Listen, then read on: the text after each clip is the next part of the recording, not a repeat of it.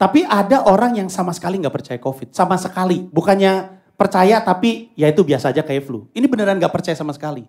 Gue selalu juga orang yang sangat tidak percaya sama COVID. Itu kayaknya orang yang sama yang percaya flat earth. Yaitu orang-orang yang wawasannya terbatas. Terus cara dia memproses informasi itu sangat tergantung sama apa yang dia tahu. Jadi karena taunya mentok, ya udah dia pikir, oh dunia itu flat gitu. Atau uh, oh covid itu palsu gitu. Karena wawasannya cuma segitu. Kalau wawasannya lebih tinggi, pemahamannya lebih luas, beda lagi gitu. Orang-orang kayak gini, yang wawasannya mentok, sehingga dia menangkap sesuatu sesuai nalarnya dia, dari dulu udah ada. Ini adalah tipe-tipe orang yang percaya David Copperfield adalah sekutu setan. Ada yang ingat David Copperfield nggak? Dia dulu adalah pesulap paling canggih di dunia.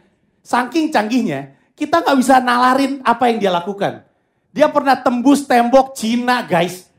Tembok Cina. Jadi dari ujung sini masuk nongolnya di situ. Nggak mungkin dia kiderin, jauh, guys.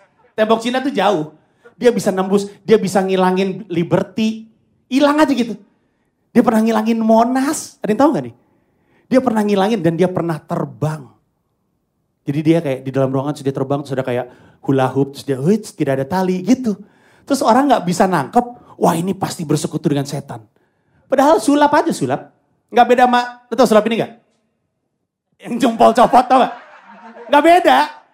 Nggak beda, cuman lebih rumit aja. Waktu lu kecil digini nama bapak lu, pala kan langsung, wah anjing. What the fuck? Apa yang terjadi barusan? Kok bisa copot? gitu kan?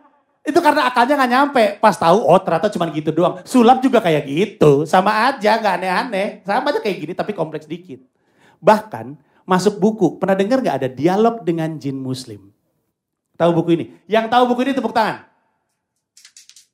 Wow. Banyak yang muda atau Anda tua tapi kaya dan tidak tidak bertemu dengan buku-buku ini. Buku dialog dengan jin muslim itu pada tahun berapa ya? 90-an? Itu terkenal banget fenomenal sekali. Jadi ada orang wawancara jin muslim. Diajak ngobrol. Jadi dia duduk di sini, jinnya di sebelah sana. Sebelum mulai obrolan dibilang 5, 4, 3, 2, 1, close the door. di belakangnya ada tembok, wallpaper tembok gitu, bata expose. Tembok jelek gitulah kampungan. Terus di dalam buku itu dikasih tahu bahwa David Copperfield itu bisa sakti kayak gitu karena dibantu setan. Jadi dia janjian sama setan. Setan kasih skill, dia harus bersekutu dengan setan. Saking gak bisa nangkepnya, nalarnya mereka percaya. Bahkan di buku itu tulisannya adalah, David Copperfield dan setan menandatangani MOU di atas kertas materai. Setan guys. Menandatangani MOU, kesimpulannya apa? Setan taat hukum, mungkin juga punya NPWP.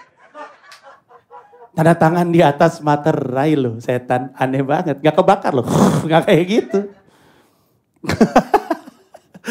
Kenapa orang pada percaya ya?